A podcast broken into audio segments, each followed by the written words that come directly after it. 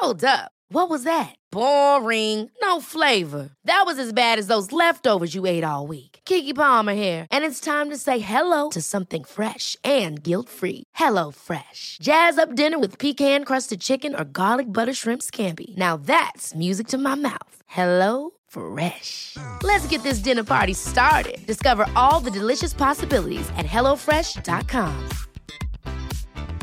Hiring for your small business? If you're not looking for professionals on LinkedIn, you're looking in the wrong place. That's like looking for your car keys in a fish tank. LinkedIn helps you hire professionals you can't find anywhere else, even those who aren't actively searching for a new job but might be open to the perfect role. In a given month, over 70% of LinkedIn users don't even visit other leading job sites. So start looking in the right place. With LinkedIn, you can hire professionals like a professional. Post your free job on linkedin.com slash people today.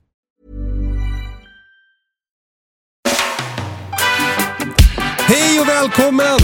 Att vänta på katastrofen. Jag heter Kalle Zackari Wahlström och eh, i mitt öra och i, vid min själsliga sida har jag Patrik Sellman. Patrik, Hej Kalle och lyssnarna. hur är det? Jo, det är jättebra. Jag åkte hem ifrån verkstaden här i morse. Jag hade varit på service med bilen. Och eh, ja, man kan inte göra allt själv. Vadå, kan du byta, byta olja och filter? Jag kan göra det, men jag väljer bort vissa grejer då. Men då tänkte jag så här, för nu skulle jag hem, köra podd. Det drog över tiden på verkstaden. Blev lite sen. Ja. Jag har hela stugan full i skåp och lådor och grejer som ska upp här uppe på mitt, eh, mitt poddrum där jag har lite andra aktiviteter också. Och eh, Vadå för sen, aktiviteter? sen, ja, det ska vara till handladdning, till eh, radioapparater, skrivarna ska stå där. Du, det låter som en riktigt jävla mysrum det där tycker jag. Sjukvårdsskåpet med alla kompresser och allt vad det finns i lager här ska också in dit så det blir någon ordning på detta. Ja, kul. Det ligger ju i lådor nu, musskyddade, med lock på. Och eh, när man behöver något så ligger det alltid längst ner under de här, ba- i de här backarna. Då, va? Och, eh, ja, så, är det. så det ska vara inne i ett stort plåtskåp nu då, så att eh, blir överblickbart. Då. Ja. Eh, och då kommer det en nu, en av våra valpbesökare. Vi har ju sju valpar här, så jag hoppas Ingmar lyckas hålla tyst på dem. För dörren är urtagen ur det här poddrummet idag med. Så, att jag får, får, så jag får in skåp och sånt. Så om vi Hela- har någon som pratar så är det någon som ska köpa en valp? Nej, de kommer vid ett, men då vill jag ju få bort alla skåpen och hinna bära upp dem på övervåningen och så vidare. Så jag satt stilla och funderade så här. Hur hinner folk jobba? Ja. Ja. ja. Så är det. Men, Ja, men så, det, ja, det där håller jag med om. Det där tänker jag mycket på också. Alltså att mitt liv skulle falla samman om jag var tvungen att gå till ett kontor 9 till 5. Men jag tror också att man liksom mättar munnen lite efter matsäcken. Att man anpassar sig efter det liv man har och löser det som kommer, kommer mot en. Du är väl också Ja. sån? Jo, men så är det ju. Så är det ju. Absolut. Men absolut, om, man, om det var så att man skulle hinna med alla sina själ, småbrukar självhushållningsgrejer på kvällar och helger, då skulle det ju vara svårt. Ja. ja. Vi fick, jag kan säga det, vi fick, vi ska inte ta det idag, men vi fick ju en väl, jag har fått en väldigt bra fråga just om eh, hur man hinner med och utbrändhet och allt möjligt sånt där. Men det tycker jag vi kan ta i en annan, för det där är ju en sak man måste lära sig. Va? Ja, ja det, det tycker jag verkligen vi ska prata om. Eh, jag, Igen. Precis. Men vi har ju en annan grej som är högaktuell just nu. Ja, Eh, som vi måste ta nu så att, vi inte, så att ni kära lyssnare inte blir försenade i den här processen. För att det, det ser ut att komma efter i början av odlingssäsongen som faktiskt drar igång nu. Eh, nu är det januari 2022 och vi står i startgroparna. Vi ska nu börja fundera över vad det är vi ska odla under året. Vad vår familj ska äta under det här året och även under början av nästa år. Därför att det är hög tid att beställa fröer och faktiskt att börja förodla eh, vissa grejer. Och Det här har vi pratat om tidigare i podden. Vi, vi, vi har ju gått igenom ganska ganska noga tror jag, i, ungefär i vilken, vilken tidpunkt man ska så olika grejer och sånt där. Men idag tänkte vi skulle fokusera på eh, det här med att beställa fröer. För det kan ju vara, alltså när, innan jag var så seriös med min egen odling så jag har ju liksom konsumerat mycket eh, innehåll kring eh, den här typen av livsstil tidigare och har alltid tyckt att det låter så mysigt när folk eh, tar hem frökataloger och sitter i decembermörkret och myser med en äggtoddy och fantiserar om vad de ska så. Och jag har tänkt så här, Åh, det, det där ska jag göra, gud vad mysigt. Men jag har hittills aldrig lyckats göra det. Utan för mig blir det alltid så här, sista minuten, och helvete jag har inte beställt några fröer. Nu får jag bara gå in och så går jag in på fröbanken och så bara klickar jag hem allt som låter gott. Och sen så upptäcker jag så här, fan jag har inga gurkor eller jag har inga morötter eller... Alltså ingen Kalle, du struktur måste- överhuvudtaget. Kalle, Kalle, så här är. Du måste ju ha ett frölager. Vet du. Det här är ju en beredskapsfråga. Du måste ta höjd för vem du är. Ja. Är man sån som du är, då måste man liksom göra en strategi för det. För, alltså, du vet, man har ju pros and cons. Man Exakt. måste ta vara på sina fördelar och sen får man försöka kompensera för sina nackdelar. Jag är ju lite äldre än dig också, så att jag kan väl säga så här att man lyckas ju inte på alla områden, men man får göra så gott man kan. Ja, ja. så är det ju. Men hur gör du med fröer Patrik? Jag har ju lager, vet du. Jag har ju hållit på så länge och det finns så många fröer håller ju flera år då, så är det.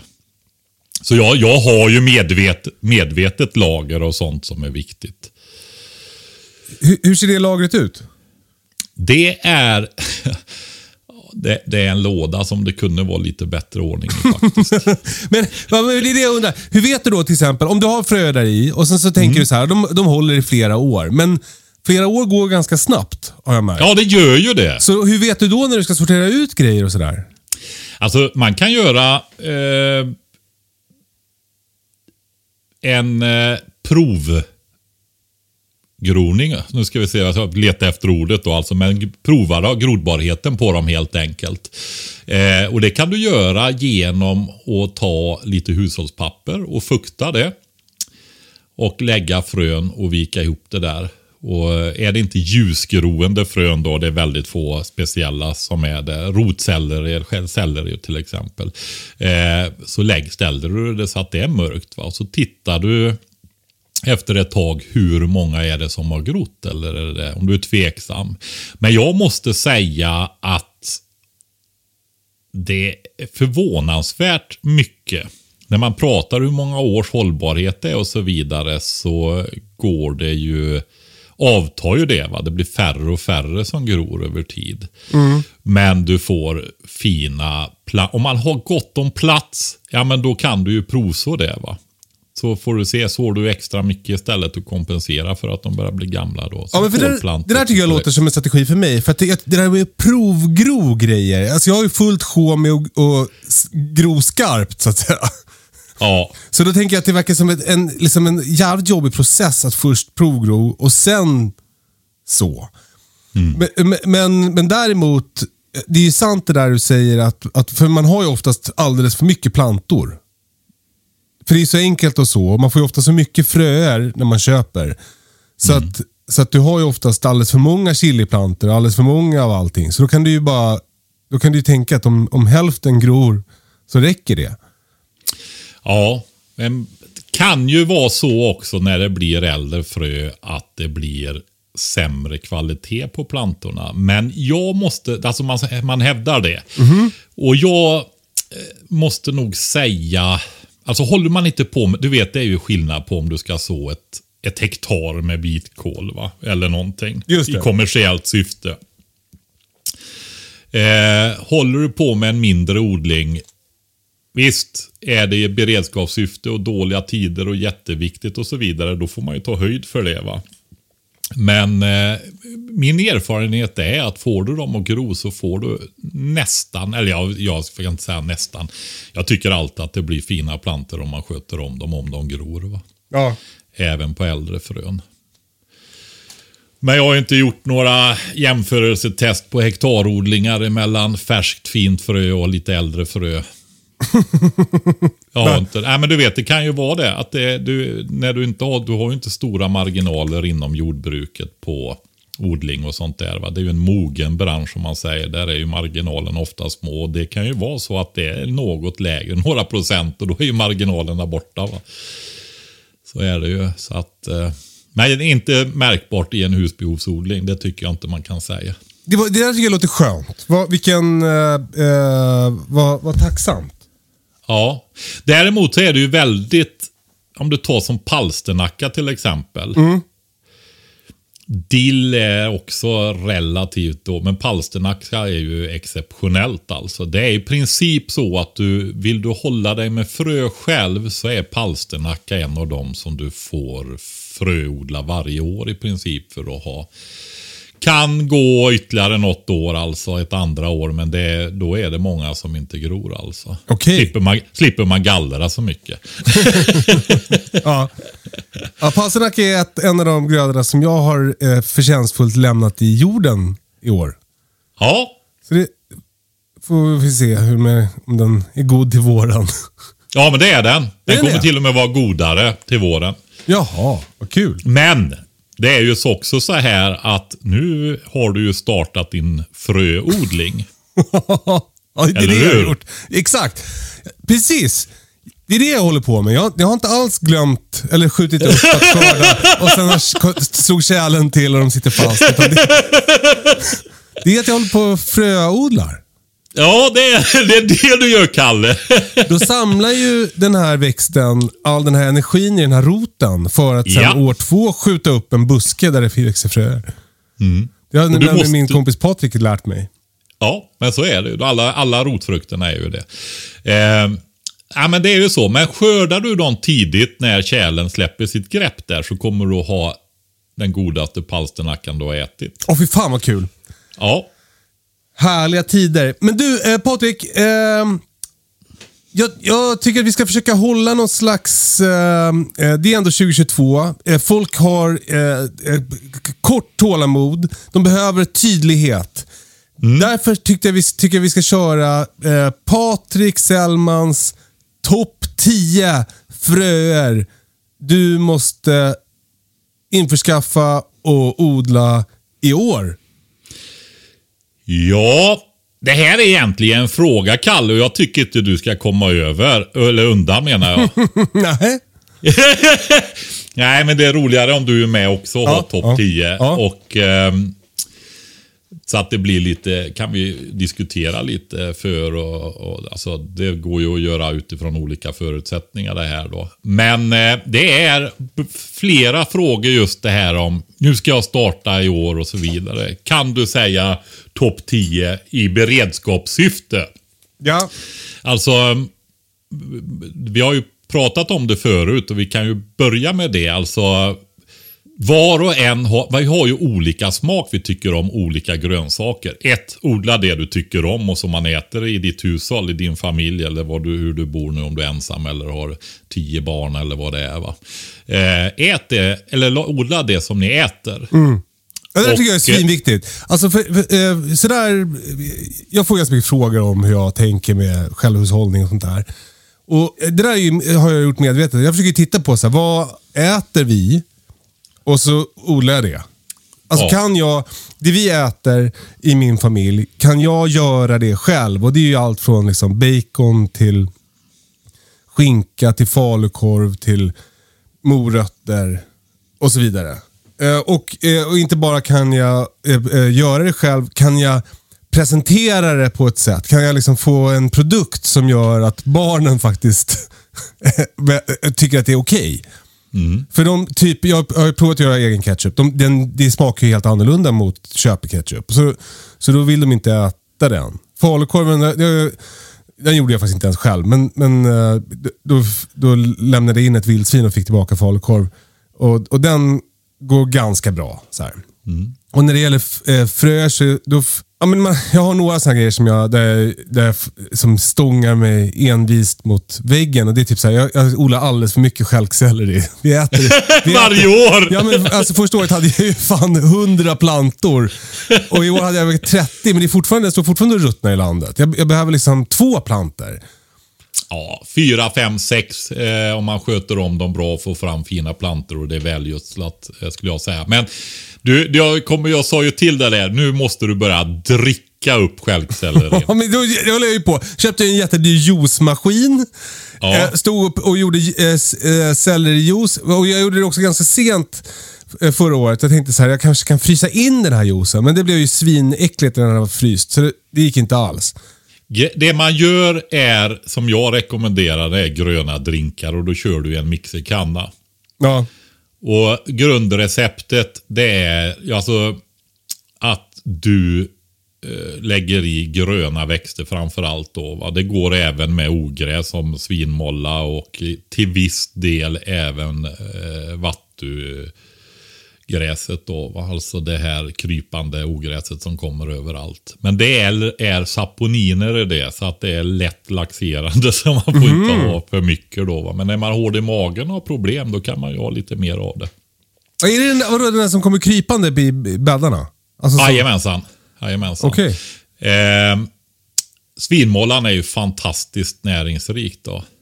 Så att eh, det kan ju vara bas blandat med spinat eller andra bladgrönsaker och sådär. Och då kan du få i dig mycket mer än du orkar äta dessutom. Men nyckeln till att få en god krämig sån.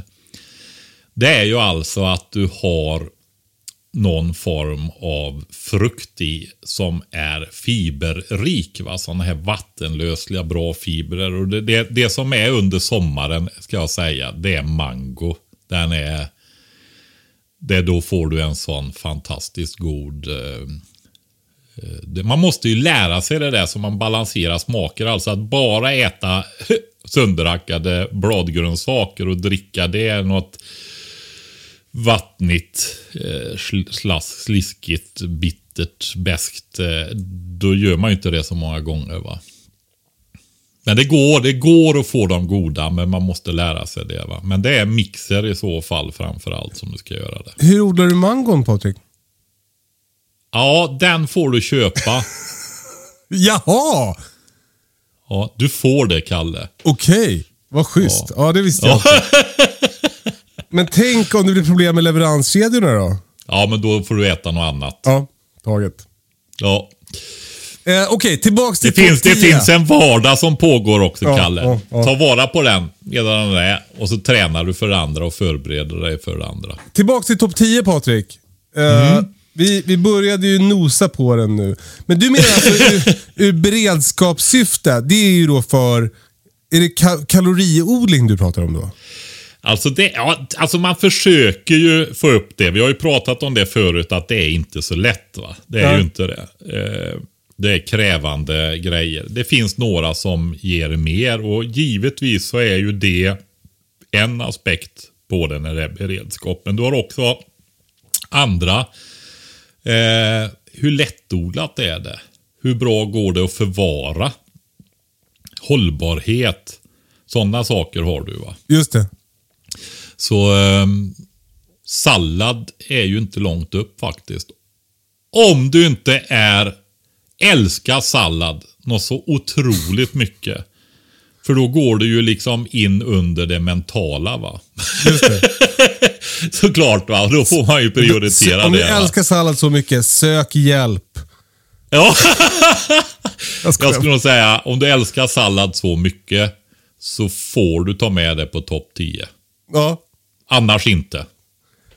Eh, om du älskar sallad så mycket, akta dig för stövare. Din gamla hare. Eh, det var ett väldigt, väldigt smalt Ja, jaktrelaterat skämt. Hur som helst. Eh, eh, jag tycker att... Eh, börja säga din topp 10 nu Patrik. Ja. Eh, alltså jag har ju, väger ju in växtföljd och sådana här saker också då. Men herregud. då börjar jag så här. Jag har en given som jag börjar med. Och jag, frågan är, ska man det här fröodlingen. Ska man ta med potatis i den? Eh, eller ska den ligga utanför som bara en självklar? Men, men jag tar med den i idag. Och då blir det potatis och bondbönor i samplantering. Just det, kul. Där är vi uppe i två. Får- Sen- Vi, måste vi måste prata om de här först bara. Ja, ho- för jag tycker vi gör det. Så att vi, folk får, jag tänker att det är många som lyssnar på den här podden som kanske är, inte riktigt är på samma nivå som du Patrik och inte heller kanske på samma nivå som jag. Eh, som är mer sugna på att eh, komma igång, som kanske eh, odlar pallkrage i en radhusträdgård och så vidare. och Så vidare. Så då, då tycker jag att vi, liksom, eh, eh, vi, vi gör det här till ett one stop shop avsnitt för dig, för dig som ska eh, eh, liksom bestämma vad du ska odla i år. Så då, då tycker jag vi ska säga potatissort också. okej. Eh, jag har en given sort. Amandin. Nej, den är ju min smakfavorit och det, men det är inte den jag ska säga. Jag ska säga en som är frisk, frodig, ger massvis med potatis som går att använda till allt. Och det här är jag Eh. intresserad av. Och den heter Connect. Connect! Connect. Alltså en potatis som heter Connect. Jajamensan, med C i början. Det är... Eh, det är våran huvudpotatis om vi säger så. Då. Vi, vi tycker ju också att den är väldigt god. Då, va? Många tänker ju som har ätit mycket potatis för om åren också. De tänker ju på Bintje. Som var en av de stora industriodlingspotatisarna. Men som var det också för att den var så fantastiskt god då. Va? Men den går ju inte att odla längre och framförallt inte ekologiskt. Va? Utan den kräver jättemycket bekämpningsmedel och så. Men jag tycker att den här Connect, just det här också, superbra hållbarhet. När du odlar i en hemträdgård får du olika storlekar. Så att jag har den som bakpotatis också. Alltså aluminiumfolie i ugn då, va? baka 225 grader i tills du kan köra en sticka i den. Den, är, den blir jättebra till det också då. Va? Så att den kan jag verkligen rekommendera. Men, Den blev ju också utsedd till årets potatis 2020. jajamensan. Så det är ju fint. Eh, jag tycker dock, har man lite större odling så kör med tre-regeln på så mycket du kan. Eh, alltså att man har tre olika utav saker och ting. Va? Tre olika sorters potatis. Ja, tre olika av allting egentligen. Va?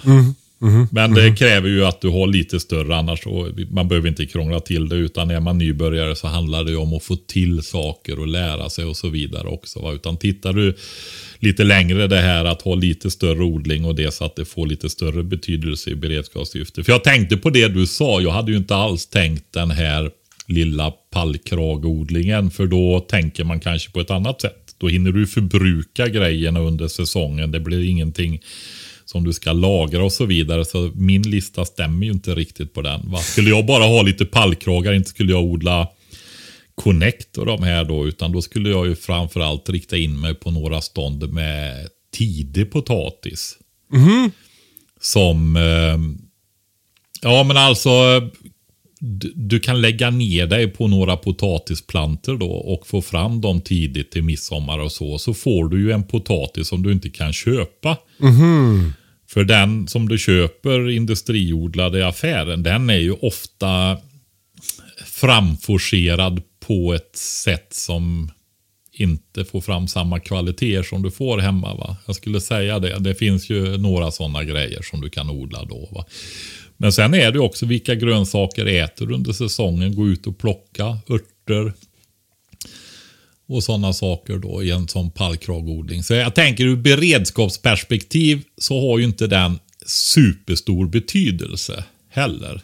Jag ska inte underskatta den heller. Va? För ur beredskapsperspektiv är ju att du håller igång, du skaffar dig kunskap. Ja, men det är det jag menar. Man, att man lär sig grejer. Det är, alltså, man måste ju börja precis. någonstans. Jag tycker inte man ska bli liksom helt knäckt om man tänker att man inte kan bli självhushållande direkt. Utan, Nej, men Utan- så är det. Men jag tänker ju i, i, i det lite att sikta på någonting och det är ju inte fel att börja odla de grejerna jag säger heller i den mindre odlingen för att lära sig odla dem där också. Och det, jag tycker också att det blir väldigt fint och vackert när man odlar de här grejerna som jag räknar upp dessutom då. Nu gäller det att Men, köpa eh, Connect idag då eftersom när podden kommer ut imorgon så kommer ju den att ta slut överallt. Ja, skynda er och köp idag, Herregud, dagen innan podden kommer ut det- istället. Jag då. tänkte säga till mig själv. Okej. Då ska det beställas. Ja, Ja. men en grej med potatis som du har sagt till mig också, det är ju att det är en av de eh, eh, grödorna som är mest eh, gifter i om man köper i affären. Det är en av de mest besprutade. Besprutade, så- just det, så ska man säga. eh, Också ja. Och eh, köper du den som inte är besprutad då så är det ju en väldigt dyr produkt. Va? Mm. Därför att den är svårodlad i stor skala utan bekämpningsmedel. Och eh, ja, ekologisk potatisodling är väldigt sårbar. Va? Så är det. Just det. Eh, Okej, eh, det var eh, eh, nummer ett, eller nummer tio, eller bara en av topp tio som du har. Eh, Ja, men det är åkerbönan också. Bondbönan. Ja, bondböna, åkerböna, hästböna då. Det, det skiljer lite grann. Bondbönan är oftast större i trädgårdsodling än vad åkerbönan och hästbönan är. Det är ju det som i andra delar av världen kallas för favabönor. Mm. Och jag samplanterar ju den. Det är ju alltså en skälk som växer upp. Och det som, varför den är så bra att samplantera det är ju för att den går att kupa. Just det. Den gillar ju kupningen till och med. va. Jag råkade dock ut för en grej i ja, förra säsongen då. Och det var att den här Connect potatisen, den har stor blast också. Och det gillar ju jag. För då kväver ju det ogräs och, och eh, får mycket biologiskt material till komposten och så vidare. Men framför allt att det skyddar jorden. Va? Du, det håller ju fuktig, det är som marktäckning lite grann. Det håller ju bättre fuktighet, skyddar mot direkt solljus, kväver ogräs och sådana här grejer. Va? Så, så är det. Vi har ju inte några maskiner heller. Ja, nu har ju jag ju det i och för sig. Ja, det har du. Min BCS 740. Jag plöjer ju upp med en kupplog potatisen nu då. Så att eh, då vill jag inte ha massa blast där. Så jag får ta bort den för innan jag skördar då. Mm. Men rycker man som de flesta gör och går med hacka då har ju inte det någon stor betydelse. Eh, men det som hände var ju det att för första gången i mitt liv så lyckas jag kväva bombönorna. Va? Jag hade gjort en perfekt sån här förgroning av potatisen och det blev optimala förhållanden så den kom igång jättefort och skickade upp sin blast så bondbönorna hann inte med. Stod på vissa ställen någon liten förkrympt planta under blasten där han lyckats få några solstrålar på sig. Så man får inte sköta om potatisen för bra så inte hornbönan hänger med. Men vad man gör, en fot 30 centimeter emellan varje potatis i raden och sen lägger du en eller två bondbönsfrö mellan varje potatis. Du behöver inte ha extra avstånd eller någonting va? utan de trivs jättebra ihop. Bondbönan är också en sån som fixerar kväve och så, så att du får en viss eh, tillförsel av den här gränssättande kvävet då via bombönan. Då. Jag råkade ut för en, en grej i fjol när jag odlade så här. Och Det var att jag fick ganska mycket bondbönor. Ja, Och då var jag tvungen att ta hand om bondbönorna. ja, det är ju det. Vet du. Får man bra skörd då är det mycket att ta hand Alltså det om. var så Det- fruktansvärt tråkigt. Och jag, jag satt och, säger man sprita, spritade va? Att man, Ja, det kallas det. man öppnar dem och tar ut själva bönorna. Och sen så, eh, eh, så förvällde jag dem väl och tog bort skalet på dem och så la jag dem i burkar och så frös jag in dem. Alltså det var ju flera dagars jobb. Och Skalade du varje bondböna redan där alltså? Nej, jag kanske gör det när jag tar fram dem i frysen kommer jag på nu. Jag minns fan inte. Hur, ja, hur som helst. Det är otroligt mycket jobb. Jag har typ alla burkar utom en kvar i frysen för vi äter inte bondbönor har det visat sig. Det, det är ju så här att eh, får du bra med bondbönor så börja skörda dem tidigt. När, när de inte liksom är fullstora och bönorna börjar bli stora utan att det är späda bö, alltså bön... eh, Åh, Kart. Ja, vi kan säga själva när du har. Du äter du hela bönan med slida och alltihopa va? Och eh, ja, lite som brytbönor. Så är de jättegoda och mjälla och fina. Så då behöver du liksom inte sprita överhuvudtaget. Va? Så där, där har du, den är ju väldigt allsidig på det viset. Och sen eh, när det gäller eh, jag brukar ju alltså låta, får jag mycket bombönor, ja, men då får det gå till utsäde. Och då skördar du alltså när de börjar bli bruna eller svarta och nästan torka. Eh, när det är fullmoget. Då har du ju massvis med utsäde och här har du ju också ett frö som du kan ta själv med väldigt lång hållbarhet. Alltså, jag tror det är närmare 10 än 5 år i alla fall som bombönefröet håller. Va? Om du lagrar det bra då. Så det är bara att göra så istället om du tycker att du får mycket. Så har du ju bondbönutsäde så det räcker och blir över. Men eh, annars så spritar du dem får du ju göra och det gäller ju för alla baljväxter i princip. Om du inte använder dem som skärbrytbönor då. Va? Utan om du ska ta själva bönan i sig. Kokbönor eller ärtor eller någonting sånt där. Va? Så då får man sprita helt enkelt. Va? Och det betyder ju alltså att du plockar ur bönorna ur baljan. Då, va? Och eh, den... Eh, jag skulle ju inte skala dem utan snarare är det ju så här att jag torkar dem då. Va? Och har dem i burkar och så får jag blötlägga dem innan jag ska använda dem. Men äter du... Använd dem under säsongen när de är färska också så är de ju... Jag tycker ju att det är så gott med bondebönsallad bondebönssallad. Alltså lite finhackad lök, en enkel vinägrett med ja, äppelcidervinäger, olivolja, lite peppar och salt och eh, blanda det med de här skalade bondbönorna och ta bort det här lite läderartade ytterskalet. Och det gör du som du gör med mandel, att du förväller dem. Så snittar man bara så pluppar du ur dem sen. Va? Ur Ja, men du måste ju bara göra det för varje enskild böna. Det, det har man ju själv. Det är, ju- kan, om man har ett, om man, som vi pratade om i början, om man har ett jobb. Jo, men då gör du så någon gång. Ja. Där, så du får det där några gånger om året, en sån fin liten salladsskål med den här som är så fantastiskt gott i maten. Du får, har du den där lilla odlingen som du hinner med, när du, då kan du väl göra det där lilla extra någon gång. Få. För det, är- jag tycker ju att det är värt det. Ja. Men sen, det andra är ju då, när du, om vi säger som du odlar mer då. Ja, men då gör du så att du använder det här som malnings... Alltså, du vet, kikärtor och sånt. När du gör det, då gör du ju falafel, du gör biffar, allt möjligt sånt här. Det är så du använder den här bönan i större mängd då. Va? Blötlägger, kokar, mal med skal och alltihopa. Det, ofta är det ju mycket näring i skalet också. Va? Det där låter ju tacksamt. Ja, så, så där mixa alltihopa och gör biffar och sånt där av det då. Va? Och du kan fritera dem. Och, ja, det går ju att göra mycket med den eh, kulturen. Det här ska jag göra nästa gång det kommer en vegetarian hem till mig. Så ska jag laga biffar på bondbönor, för det har jag massor. Ja, Kul. Vi går vidare i topplistan Patrik. Eh, Ja. Nu har vi sått potatis, vi har, eh, vi har sått bondbönor emellan. Eh, vad, och sen är ju nästa, jag tänkte jag tar det, jag gör ju det själv här hemma då. Va? Det är ju faktiskt så det som... Och det är ju de tre systrarna som är fyra egentligen. Fortsätt. Och, ja. och jag har ju en mjölmajs. Det här med namnen, du vet. Jag har ju, jag satt ju och gjorde en podd som jag har glömt. Jag har ju varit otrogen igen, Kalle. Jag, jag har glömt säga det. Ja, det är väl så här lite omedvetet att hålla tillbaka det. Men för några avsnitt sen så var jag med Trädgårdstrollet där och gjorde en podd. Så den finns i, på hennes eh, sida där, Trädgårdstrollet då. Vad berättar du där då?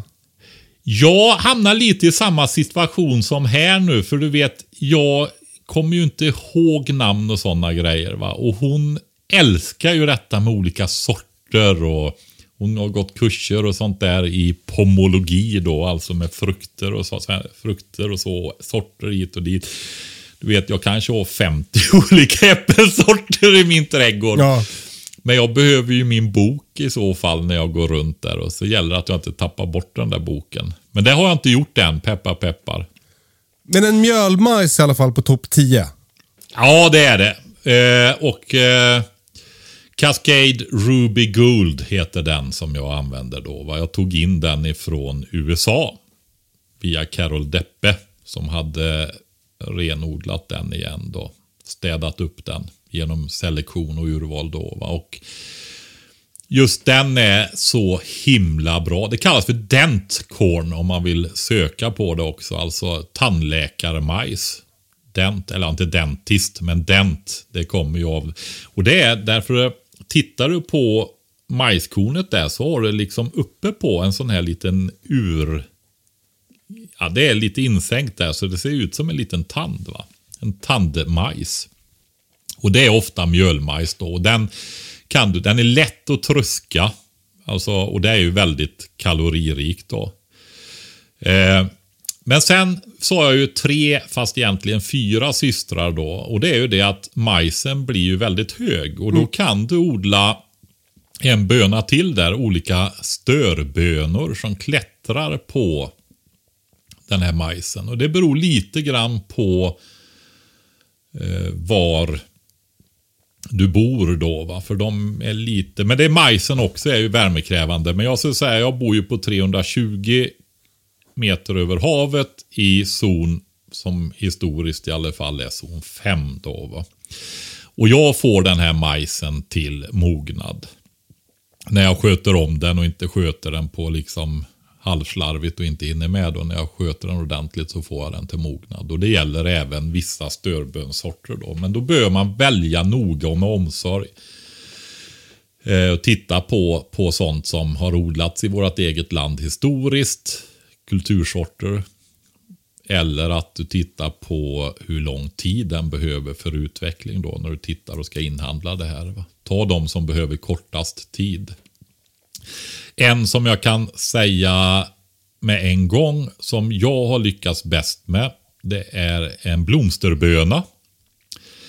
Och eh, det får jag ju säga med en gång att den går ju också utmärkt att äta. En del tror att de är giftiga då, va? men det är de ju inte.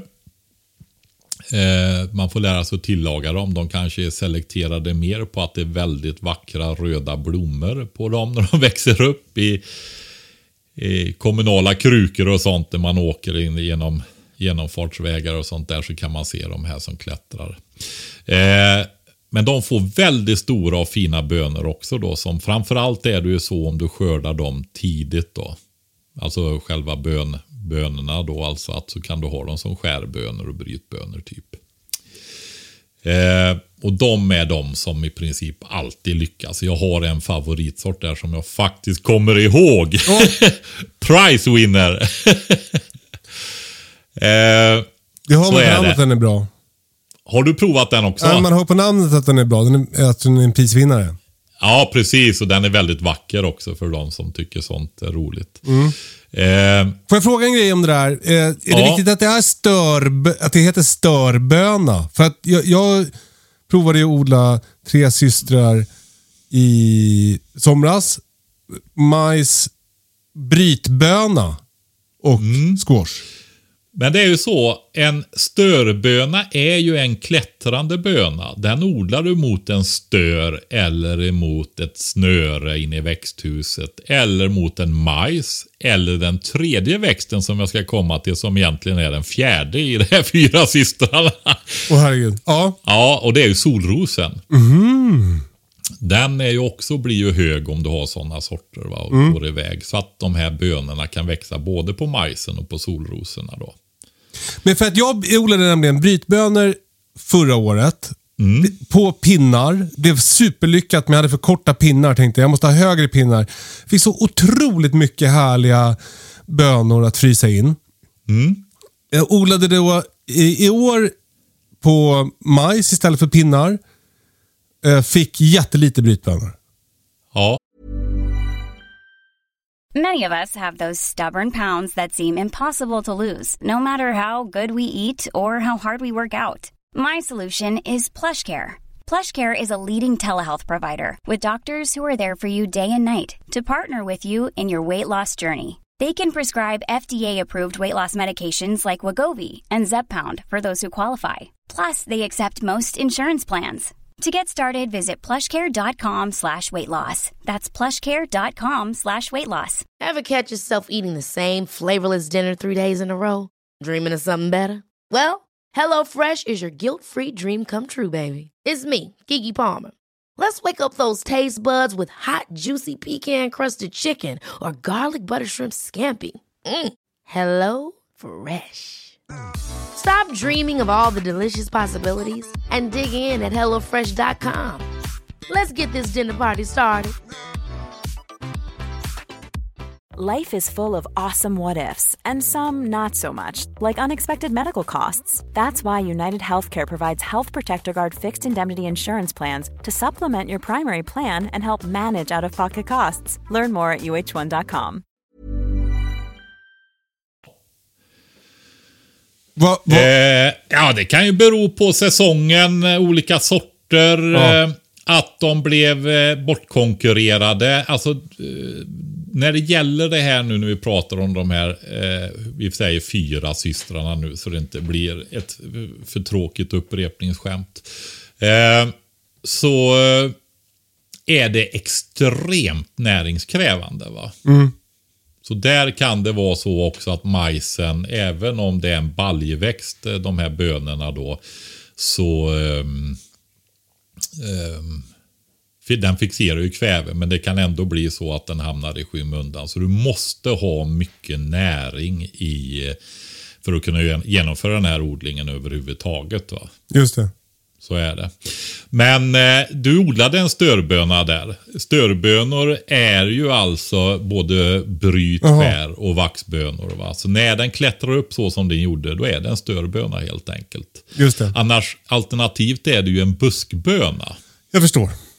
Är du med? Då, ja, då har vi rätt ut det. Tack. Ja. Eh, och då har vi den fjärde här. För vi har sagt majs, stö, någon form av störböna. Blomster, skär, bryt eller vax. Men den som klättrar på de här växterna. Och dessutom solrosorna. Och, och, får jag fråga då, varför vill du ha solrosen där? Solrosen är, alltså det här är jag har valt i beredskapssyfte också utgår ifrån att jag har någon form av smådjur. Ja, ja, ja. ja, ja. Faktiskt. Men när det gäller solrosen, det är ju en, vet ni, en fet, ett frö. Också en sån här, majsen, potatisen, solrosen, även bönorna. Men det blir ju inga stora skördar om du inte odlar mycket. Så är det. Men alla de här är det kaloririkare vi kan äta. Och mycket näring också. Va? Så att de är ju väldigt värdefulla eh, som tillskott. Det lilla man nu kan tillföra. Eller mycket om man har större odling och kan ha kanske många om man tänker sig en jätteilla situation och samarbetar och hjälps åt att odla mer. Va? För att klara sig. Eh, så är det det. Och solrosfrö, det går att göra olja av det. Va? Det är ju fett. Fett, det är ju alltså tar du ren olja då har du 9000 kilokalorier per kilo. va. Alltså det är ju det energirikaste vi har. va. Nu är inte just sol, hela solrosfröet är ju inte olja, men det är mycket fett i. va. Men hur, och till exempel om du ska göra solrosolja, hur, hur stor solrosodling måste du ha då? Eh, alltså grejen är det här att det är rätt krävande att göra olja och det finns ju handvevade grejer och så också. Men då är du ju liksom inne på ännu värre än att stå och handmåla säd och sådana grejer. Va? Alltså det, det är inte så jag tänker att man ska använda det. Utan det man behöver lära sig när det gäller solrosor, för de är ju lättodlade skulle jag säga, men också näringskrävande. Alltså har ett litet frö och det kommer upp en gigantisk planta. va? Ja. Som majs, majsen också. Alltså, då, då fattar man ju att det går åt mycket näring. Va? Så Ja. är det ju. Men solrosfrön, det är ju tappa dem på backen och så får du en massa solrosor. Liksom, så är, är det ju. Det är nästintill. De är väldigt lättodlade och friska av sig generellt sett. Men det man behöver lära sig, det är du torkar blomman när du har fått moget frö i den. Och hur vet man när det är moget frö i den? Ja, men det är ju när du får, du, om du vet hur solrosfrö ser ut, om du någon gång har köpt det till, eh, alltså du får ett hårt skal. Du kan ju ta ut och titta om du har ett riktigt skal och en, en eh, full kärna i och så vidare. Va? Alltså att det går länge ofta så, ja. Eh, ta länge. Du kan, du kan inte bara du ser ett frö och ett skal så är det ju inte färdigt utan ofta ska du ju då mogna färdigt också. Jag vet inte riktigt hur jag ska beskriva det. Man, man vet när man ser det helt enkelt. Ja, alltså låt det vara kvar. Eh, och ett säkert tecken är ju när andra, andra levande varelser börjar ge sig på. Då brukar det vara perfekt. Och så får man skynda sig innan de har tagit allt. Fåglar tänker jag på här till exempel. Men... Eh, och sen är det ju det, när du har lärt dig den där processen så blir det ju tydligt. va. Men vad du har då framförallt, du, ska du torka den blomman med frön och alltihopa i. Då torkar. Jag såg en grej, jag ska pröva detta i år själv nämligen i min solrosodling. Ja, men det var det där vi snackade om ju. När de hugger av dem och, och sätter fast den igen. Ja, men ta det du som också såg den. Ja, men det var, man såg, det var någon internetfilm. Det går en, en kille med en machete. Han hugger av ett, ett, eh, en solros, ett snett snitt. Och sen eh, vänder han på skälken och trycker fast den igen. bara. Han, tar, ja, han snittar av blomman, eller skälken, snett så att det blir en spets i det som är kvar. Och så tar han solrosblomman, vänder upp och ner och sticker på den. Så får den stå ute på skälken och torka i fältet. Geni. Ett Ja, jag ska testa det får vi se. För att det är inte så lätt som det låter och det gäller majsen också det när du ska tolk, tor torka de här kolvarna och det sen. Det blir väldigt lätt mögel. Va? Det är mycket näring och grejer i detta så att det gäller att ha det luftigt, torka eh, ordentligt det här. Va? Eh, Det, ett problem kommer ju bli av småfåglar då. De kommer äta upp alla de där fröna. ja, kan, ja, kanske. Vi får se. För jag hörde om ett annat trick som var att man, man hugger av blomman, sätter den i en liten påse. Alltså det måste ju vara någon, någon, en papppåse då så att det blir eh, inte möglar. Eller en gjutvävsäck eller vad det heter. Och sen eh, hänga upp och ner. Ja, eller som du har gjort, gjorde med majsen, att du lägger den uppe på ett nät eller någonting sånt Just det. där. En del gör det med lök och så också. Då. Ja, det är jag med lök. Eh, det, Ja. det, ja, det, funkar ju bara ett tag. Sen måste man ju ta hand om det. Eh, Har jag ju lärt mig nu för tredje året i rad att när löken har frusit så går det ganska snabbt för den att ruttna. Eh, ja, men det finns en del att pröva här och lära sig och jag är inte färdig med det. Eh, men torka är en av nyckelgrejerna. Men om du då har den här torkade blomman där sen. Med den här lilla skälkbiten över, för du har ju kapat av den under blomman då. Har du höns, Ja, Då hä- hänger du en sån blomma upp och ner i ett snöre i taket inne och fodrar med det här högenergifodret under vintern när de ska börja lägga ägg och så vidare igen. Va? gud vad kul. Då har du lyckats producera mycket energi, vilket är svårt. På ett enkelt sätt, med en enkelt odlad planta har du producerat. Och eh, dessutom väldigt vacker. Ja, det, ju väldigt, det är väldigt kul med solrosor. De blir ju fina. Ja, det är ju det. va. Och ehm, jag uppmuntrar verkligen till det. Ehm, och så dessutom så är det ju ett levande växtstöd för störbönor då. va. Just det. Den fjärde nu då. Just det, Där, fjärde I systern. de fyra. Ja, alltså det här är ju den sjätte, men den fjärde då. Fjärde är de fyra systrarna. Vi hade ju tagit potatis och, och, och bondbönor först, Mm. så det blir ju tre, fyra, fem, sex nu då, de här fyra. Eh, det är ju en storbladig gurkväxt. För marktäckning under de här växterna sen då. Va? Som skuggar markytan igen. Det, det hör du igen det här med som jag sa stor potatisplast och så vidare och skuggar. Va? Det underlättar arbetet mycket om man får det här att fungera. Just det. För det blir ju också det att odlar du så blir det ju problem att rensa ogräs sen i en sån här blandkultur. Va? Det går att göra rader och så vidare. Men har du då squash som vi pratar om här framför allt. Går med pumper och, och, och så vidare också då. Men vill man ta frö så utav det eget också så ehm, Vilket man bör lära sig ganska fort om man tänker sig beredskapsperspektiv. Då. Ja, då får du ju inte blanda för många sorter och det måste vara olika ska vi se, vad blir det? Familjer kanske? Ja, jag vet inte, hur det, kommer inte ihåg hur det kallas. Men eh, du har ju Pepo, Maxima, Moscata är ju de stora på squash-sidan där då. Va? Maxima är ofta vintersquash. Och eh, det är den jag rekommenderar då. Det finns eh, en sommarsort som jag odlar också, en pepo då. Det är Costata Romanesco. Den har väldigt bra hållbarhet. Men där får du ett eh, hårt skal så du måste skala den då. Prostata Romanesco? Ja, den är väldigt, som jag tycker, alltså gurkväxter är ju inte de smakrikaste eh, grönsakerna. Va? Eh, men den här har en väldigt nötig och fin smak också då. Och den är perfekt att torka om man vill göra det för att faktiskt ha hela vintersäsongen då. Va? Squash är, den är verkligen på min topp 10 också. framförallt för att jag har kanske ett lite annat perspektiv när jag väljer ut min topp 10. Och Det är så här, vad är härligt att äta och vad är lätt att lyckas med. Och squash är väldigt lätt att lyckas med. Precis, och, och det jag ska börja med nu i år, en sån grej till som jag, ja, ofta hinner man inte med det, men det kommer efterhand i, i här. Men jag skulle vilja lära mig det här och göra som, du vet man har en speciell skärapparat som man får som spagettitrådar.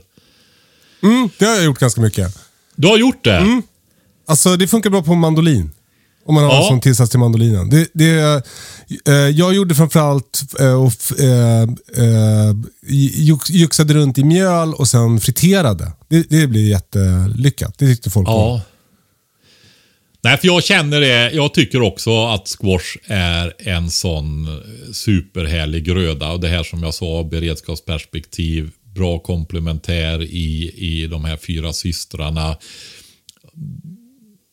lättodlad. Och sen väl... också lätt att göra en maträtt av.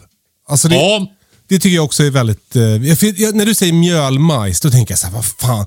För jag har ju odlat mjölmajs första gången i år. Jag har ju inte gjort något med den. Den har legat, så det är min, jag matar småfåglarna med den i princip. ja, men du har ju massa utsäde. Var rädd om det. Ja, precis.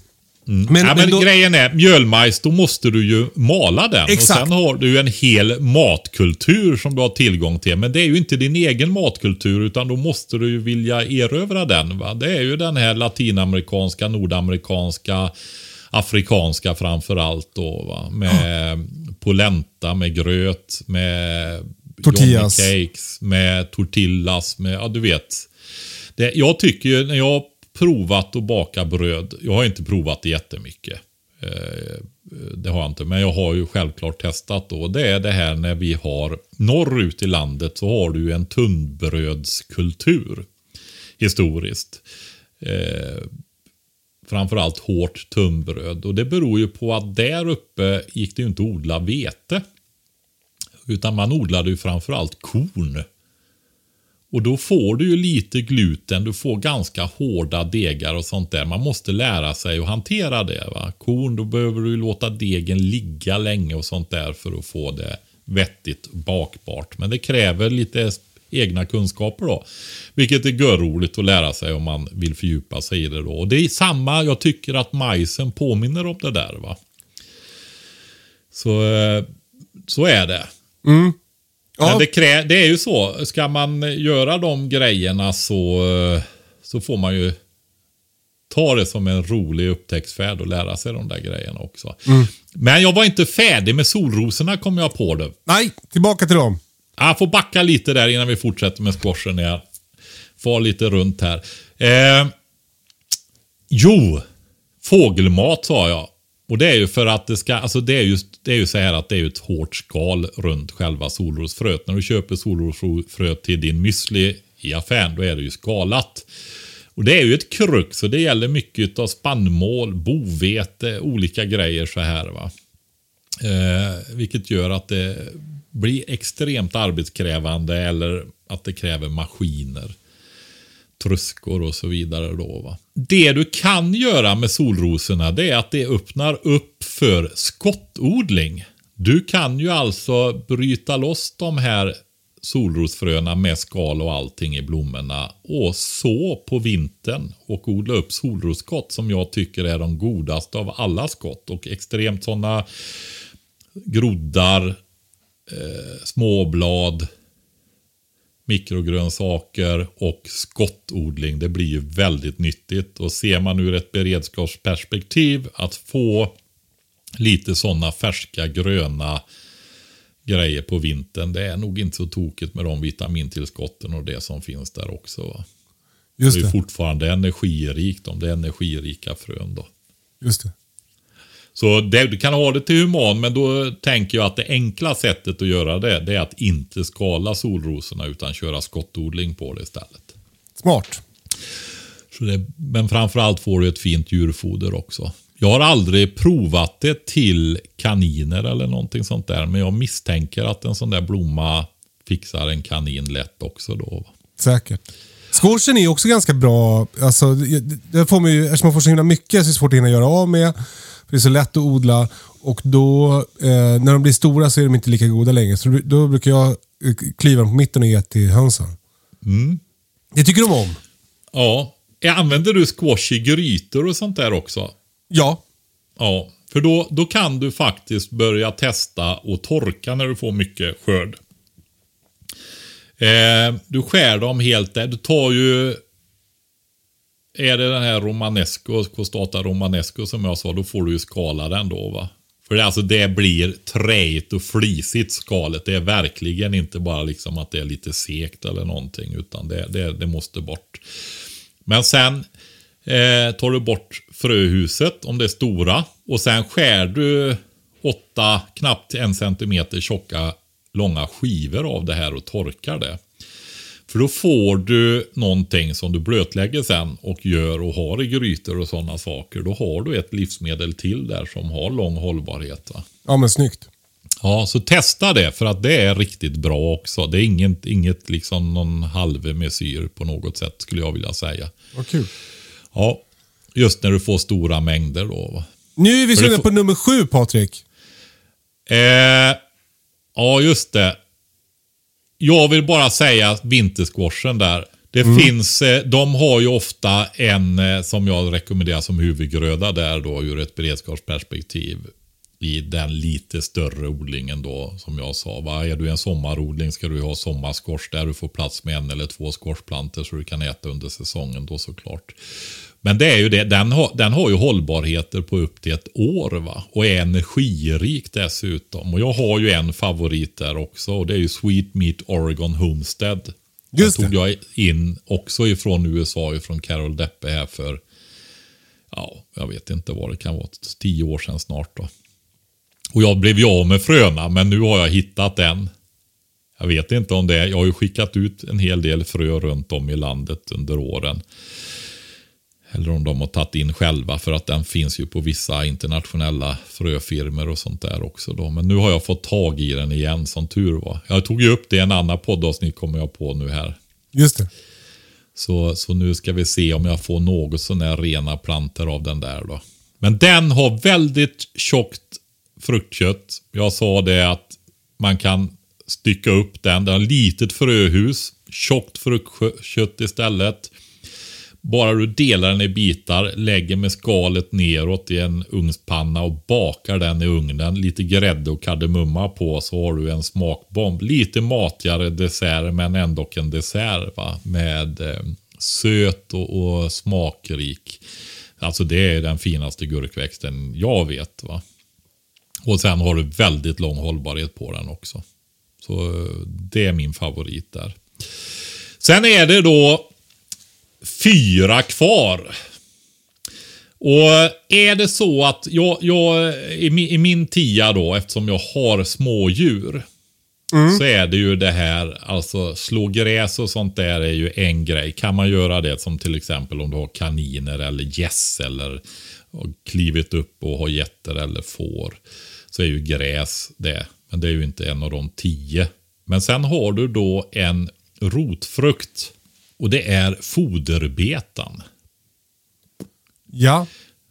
Den ska jag testa mer också. Jag har frö och jag var på väg in i att sätta igång det här arbetet här uppe. För jag, det, jag har ju inte de bästa. Du har ju mycket bättre odlingsförhållanden än vad jag har på när det gäller lång säsong i alla fall. Jag har ju vissa fördelar här med. Men en del kräver längre säsong och eh, det finns väl en anledning till att man odlar sockerbetor som är en specialare av foderbetan med högre sockerinnehåll. Då. Den odlar man ju framförallt i södraste Sverige, på Öland och så vidare. Då, va? Och inte på 320 meters höjd i Värmland i zon 5. Nej. Eh, nej, men eh, det är faktiskt den gröda som vi kan odla där du får högst energiavkastning per kvadratmeter av allt vi kan odla. Den slår allt annat. Slår till och med eh, fodermajs. Och fodermajs, där skördar du alltså med en slaghack hela majsplantan. Ända nere från precis ovanför backen, hela skälken, bladen, majskolv, alltihopa. Den här foderbetan ger ändå mer energi. Men varför den inte odlas mer nu i det högindustriella jordbruket är ju för att den kräver en egen maskinlinje. Och den är inte så pass mycket bättre så att den betalar för en ny maskinlinje då. va, Utan då blir det mest fodermajs när man behöver den här energirika. Eh, och där gör man ju ensilage av den fodermajsen. Jag skulle precis fråga, då, det gör man bal av alltså? Ja, eller lägger i, i silosar eh, på olika sätt. Då. Du hackar ju sönder den. Va? Just det. Så det är nog plansilo eller eh, silotorn. Men i alla fall foderbetan då. Vi är ju inte beroende av maskinlinjer. Utan här har du istället en hackgröda. Som du kan odla i rader och ehm, få den här hö höga energiskörden då va, till eh, djur. Framförallt kaniner och idisslar och sånt där. Då. Jag vet inte. Och gäss också självklart. Gässen är ju fantastiskt bra att kunna ge eh, rotfrukter då. Va? Får jag smita emellan med en, en fågelfråga? Ja, Eh, när du pratar om gäss så bara kommer jag tänka på dina ankor. Är det med ankor och gäss som det är med hönsen att de blir att de är bara goda när de är väldigt små? Eh, jag skulle nog säga att det är så. Sen är det väl en eh, tillagningsbit också. Men generellt sett så är det nog så att man skö, skördar, höll jag på, ja det gör man ju, ja. skö, skö, skördar fåglarna relativt eh, tidigt då. Det finns nu kommer jag inte ihåg det på det är sånt här som jag får slå upp innan, men det är ju vissa tider när du ska skörda en eh, kyckling då, eller unghöns då. Va?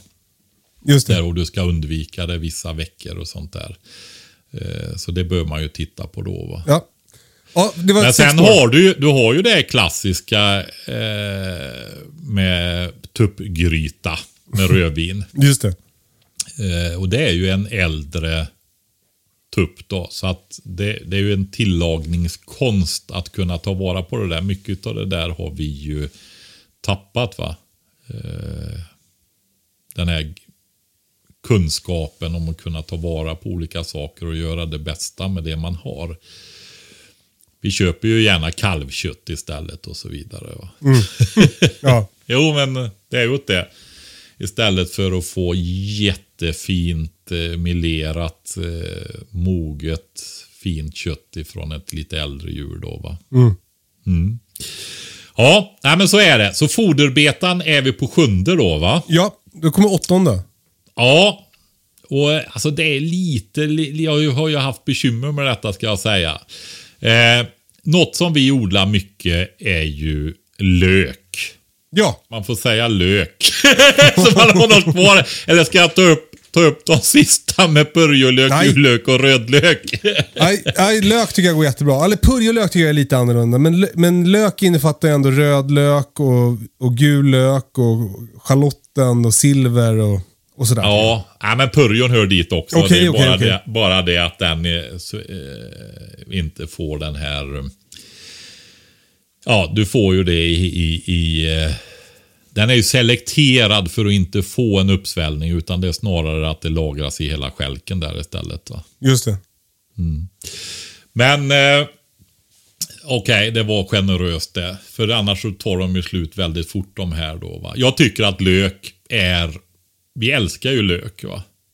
Alltså jag, alla maträtter, allting. Jag vet inte, finns det någonting som inte vinner på att man har med lök nästan? Marängsviss. Ja, Den, den där, där hjälper ju inte löken till riktigt. Nej, då får man nog vara väldigt duktig kock och hitta en ingång där. Ibland hittar man ju sådana där tokiga grejer alltså. Men Ja. det, det, det jag håller med, det lät lite som glass och ketchup. Åh, fy fan. ja, ja, lök. Och, du- och, s- ty- tycker du att man ska försöka ge sig på att fröodla lök eller tycker du att det är okej att köpa sett lök? Alltså jag har köpt mycket sättlök och det är ju det där med eh, återigen det där med hur mycket tid hinner du lägga och så vidare. Va? Alltså du, du kan ju odla sättlök själv. Det du sår dem tätt. Ja, Där tycker jag faktiskt pallkragen eller en odlingskrage som man slår ihop själv eller någonting är bra. För att det behöver du ha väldigt ogräsfritt. Eh, och så bredsår du helt enkelt löken där i. Och eh, alltså tätt.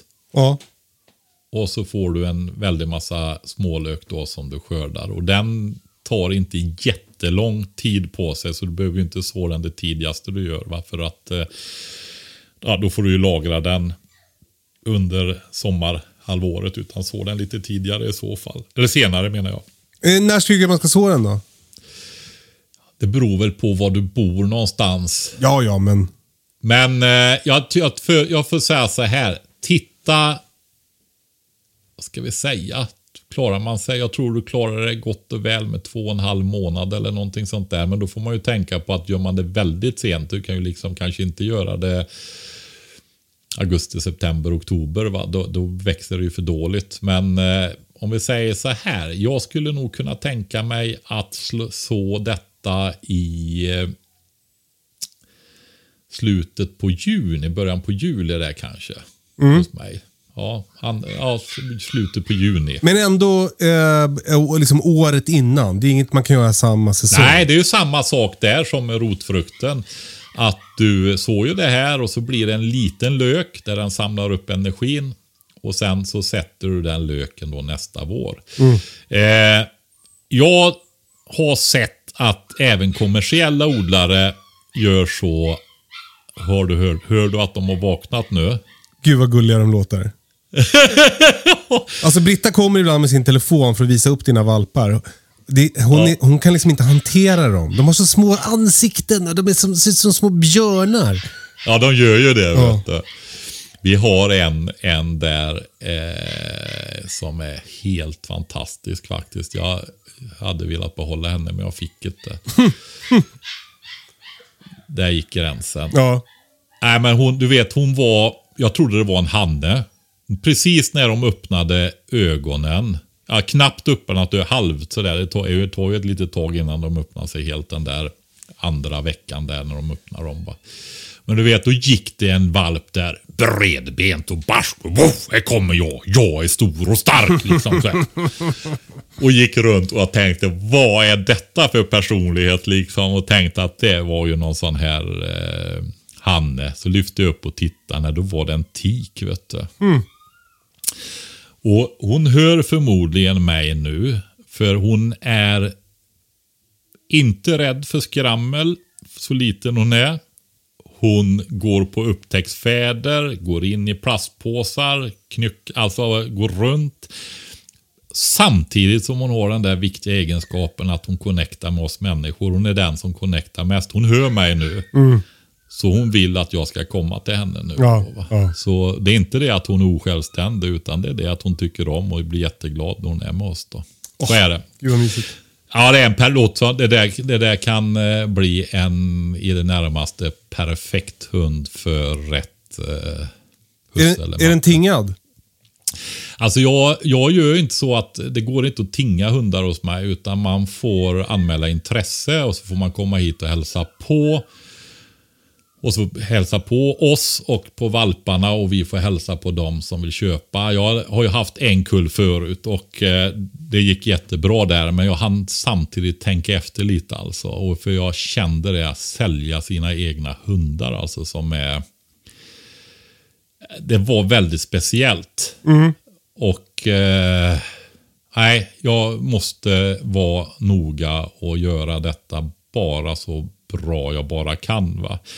Vet, det finns ju mycket snälla, bra människor. Men för det är också det här, det här är en svensk lapphund va. Det är en brukshund. Det är, vad ska jag säga, en riktig hund.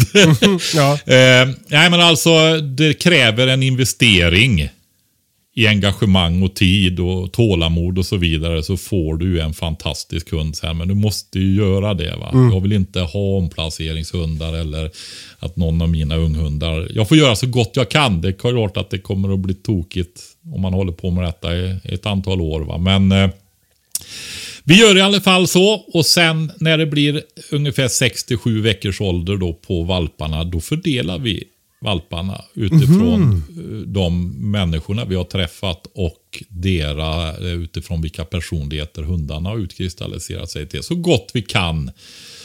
Och så får de ett erbjudande som de får ta eller tacka nej då. Men vi har ju på sju valpar är det 18 i kö nu då. Men alla de som har kommit in sist, de ligger ju liksom ifall de backar ur de här som vi har bjudit in då. Just det. Valparna då, så är det. Ja, det låter ju som ett eh, ansvarsfullt sätt att fördela valpar. Men du, tillbaks till listan va? Ja, precis. En liten utvikning där om valpuppfödning. Vi, på, Eh, vi, vi pratade om, eh, om att odla egen sättlök. Eh, jag själv har ju eh, köpt sättlökar och tryckt ner och det är ju toppen. ja, om du får tag i bra kvalitet så är det ju det. va. Så där, där eh, Du får titta på dem och se till så att de är. Och, men jag var, var på väg där och började se även kommersiell odling så går man över till plantuppdragning. Om man inte bor i de med längst odlingssäsong. Alltså du skulle ju faktiskt testa direkt frösådd hos dig Kalle. Du är ju nog lite på gränsen där. Alltså, alltså jag skulle göra det. Okej. Så försök ha en ogräsfri yta. Nu hörde jag ju att det hade du inte lyckats så bra med. Men det går ju också att köpa, alltså om du vill testa det. Köp plantjord och lägg på som jag sa du skulle göra med vitlöken där när du inte hann få ner den innan det frös. Va? Lägg det på en yta, ett relativt tjockt lager då. Behöver ju inte vara så jättemycket. Så provar du i alla fall och ser hur det går. Och så sår du i den ogräsfria jorden då. Va? Smart. Så får du se, så lär du dig. Får du berätta om det i podden här sen hur det gick med din vanliga frösådd av lök. För det är nämligen så man gör i de sydligaste delarna. Va? Och du är nära havet och, och det där. Så att, ja. Ja, Du- spännande. Ja, det andra är ju då att man drar upp planter. Tredje blir det. Drar upp planter eh, själv. Och då har jag sett det de som kan det här bäst. För det har inte jag gjort mycket själv. Eh, nu har jag mycket lökfrö och även tagit eget lökfrö i år. Så att det är också en grej som jag kommer att göra här nu. Och nu är det dags för det ganska snart. Men då sår du i sådana här brätten Alltså där du har en massa små, relativt små krukor som sitter ihop då va? I, i Pluggbrätten kallas det. pluggbrätten, ja precis. Så tre till fyra frön i varje brätte. Och sen dubblar du istället avståndet. Istället för att sä- sättlök sätter du ju på 10 cm avstånd i raden. Då sätter du de här knipporna sen då. Med tre till fyra lökplanter på 20 cm avstånd. För då pressas de isär. Och så eh, får de ändå tillräckligt med eh, ja, utrymme och näring. Och så Alltså de sköter det själva? Jajamensan, Ja, snyggt. det gör de. Så, så det går att göra, prova också då. Det låter ju som det, som, det, det, låter, ju, det låter ju bra. Ja, köpa sättlök. Odla upp egen sättlök. Vanlig frösådd i rad. Det kan du göra med en enkel maskin om du vill. Eller plantuppdragning då. 3 till 4 i ett, en, eh, ett brätte då i varje kruka. Taget. Ja. Purjolöken såg jag ju brätten med. Det har jag ju lärt mig av dig. Det är jag som har lärt mig det av dig. Nej. Nej, nej, nej, nej, nej. Du vet, jag har bredsått i ark alltid förut. Och du hade inga, så du gjorde ju så att du sådde purjolöken även i brätterna. Just det. Ja, det bygger på ett missförstånd från början alltså, men det blev lyckat. Ja, Ja, det är sån mänsklig utveckling. exakt. Alltså mut en mutation i... Ja. Ja, ja. Nej, men du fick ju så det var, ja alltså, man, om man har riktigt grova underarmar så vart ju dina purjolökar så. Annars får man väl säga att det var som vaden på många människor annars nästan.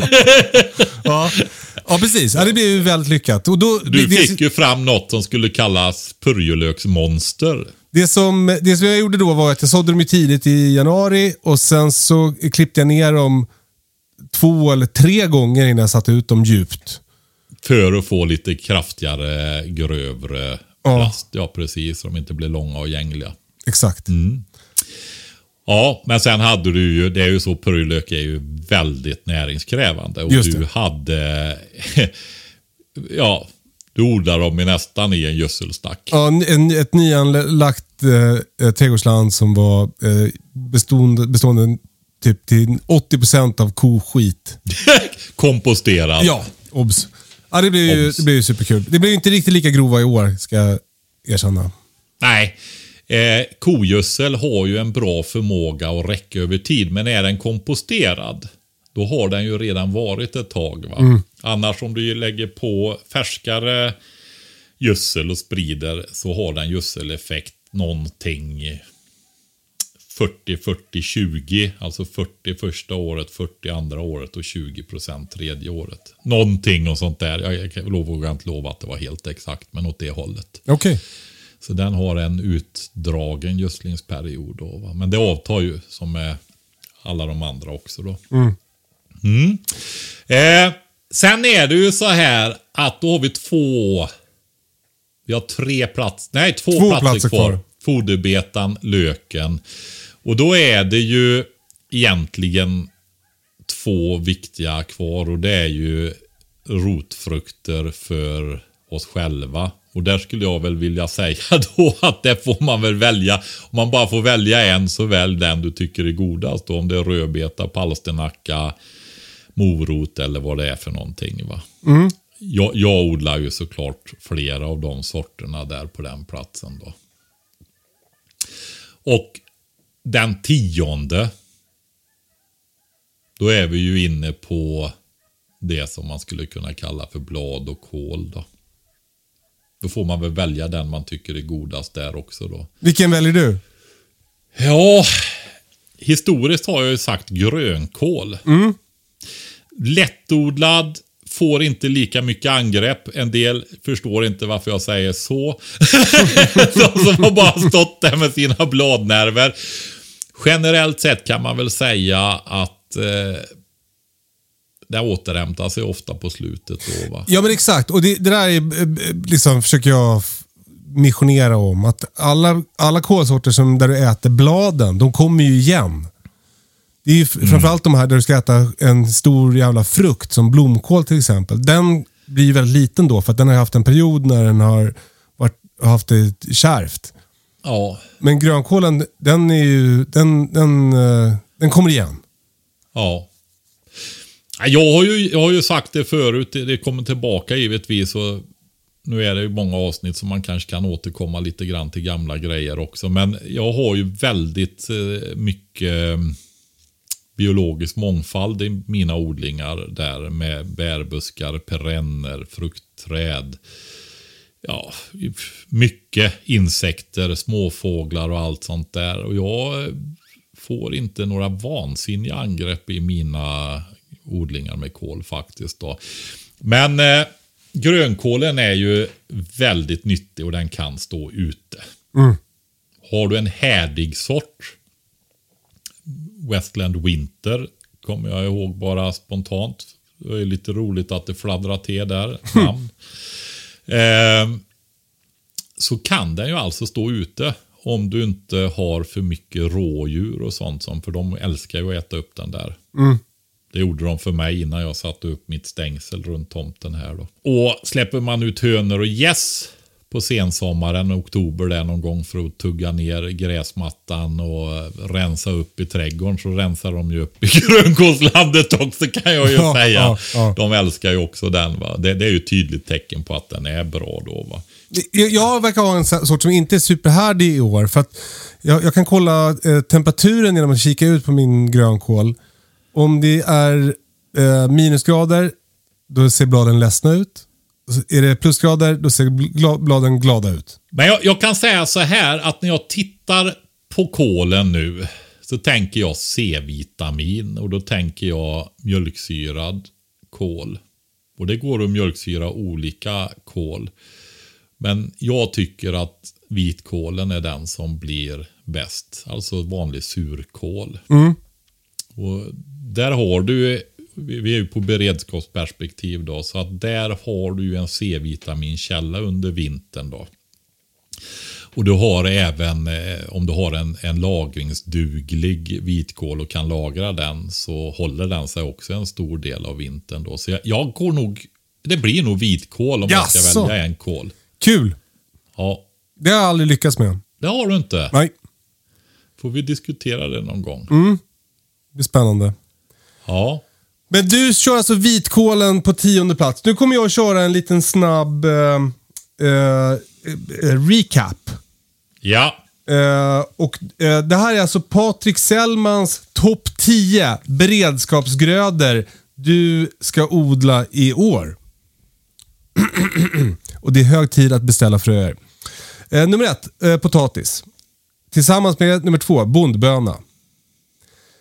Sen ska du odla mjölmajs tillsammans med störböna, solros och squash som marktäckare. Det kallas de fyra systrarna. Det kanske ska jag säga tre systrar, men vi slängde in solrosen där också. Jag tror tre systrar kommer få ett uppsving i år för att eh, mitt tv-program har premiär i övermorgon och då får man bland annat se när jag odlar tre systrar och utvärderar Oj! det. Vad roligt. Ja, det blir kul. Ja. Eh, eh, sen tycker du att man ska odla foderbetor, lök, någon rotsak man gillar. Morot, rödbetor och så vidare. Palsternacka. Och på sista plats, vitkål. Kul Patrik! Mm. Eh, hoppas ni fick med den listan. Eh, vi tar det igen då. Fram med papper och penna. Får ni pausa, eh, ta fram papper och penna och så säger jag potatis, bondböna, mjölmajs, störböna, solros, squash, foderbeta, lök, rotsak, vitkål. Kul Och, eh, Patrik! Ja, har man lite smådjur så får man ju byta ut foderbetan mot en annan rotfrukt. Men du får inte samma avkastning på energi då i närheten ens en gång. Va? Eh, eh, vad spännande Patrik. I nästa avsnitt så kommer jag att gå, eh, välja ut min topp 10 på listan över grödor jag tycker att ni ska odla för eh, njut, livskvalitet och odlingsglädje. Vad bra att du sa nästa gång. Ja. Så kanske vi hinner med en snabb lyssnarfråga här, en ljudfråga också. Eh, det, kommer, det kommer vi absolut inte hinna. Vi har pratat i en och en halv timme Patrik. Okej!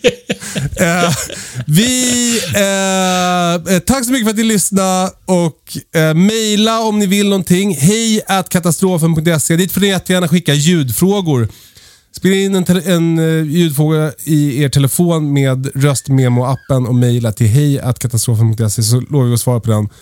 Eh, om vi inte pratar jätte, jätte, jättelänge om Nej, jag tänkte vi får nästan börja med den, för jag tycker det var väldigt roligt med de här ljudfrågorna Mm. faktiskt. Det är lite synd att vi inte hann med det, men det gör vi inte. Jag ser det också här, va? det är snart en och en halv timme. Men eh, vi, vi kanske får börja med lyssnarfrågan. Ja, vi ser. Då kommer det ju bli ett helt avsnitt om den istället. Vi, vi, vi får Ja. se hur vi gör. Eh, tack för att ni lyssnar. Lycka till med eh, starten på odlingen. Vi har gjort ett avsnitt om det här med att driva upp plantor, så det får ni gå tillbaka i katalogen och, och hitta om ni, ni behöver hjälp att hitta lampor, och hyllor, och brätten och såjord och allt det är. Eh, för nu kör vi. Eh, puss och kram, ha det så bra. Hej då! Hej då!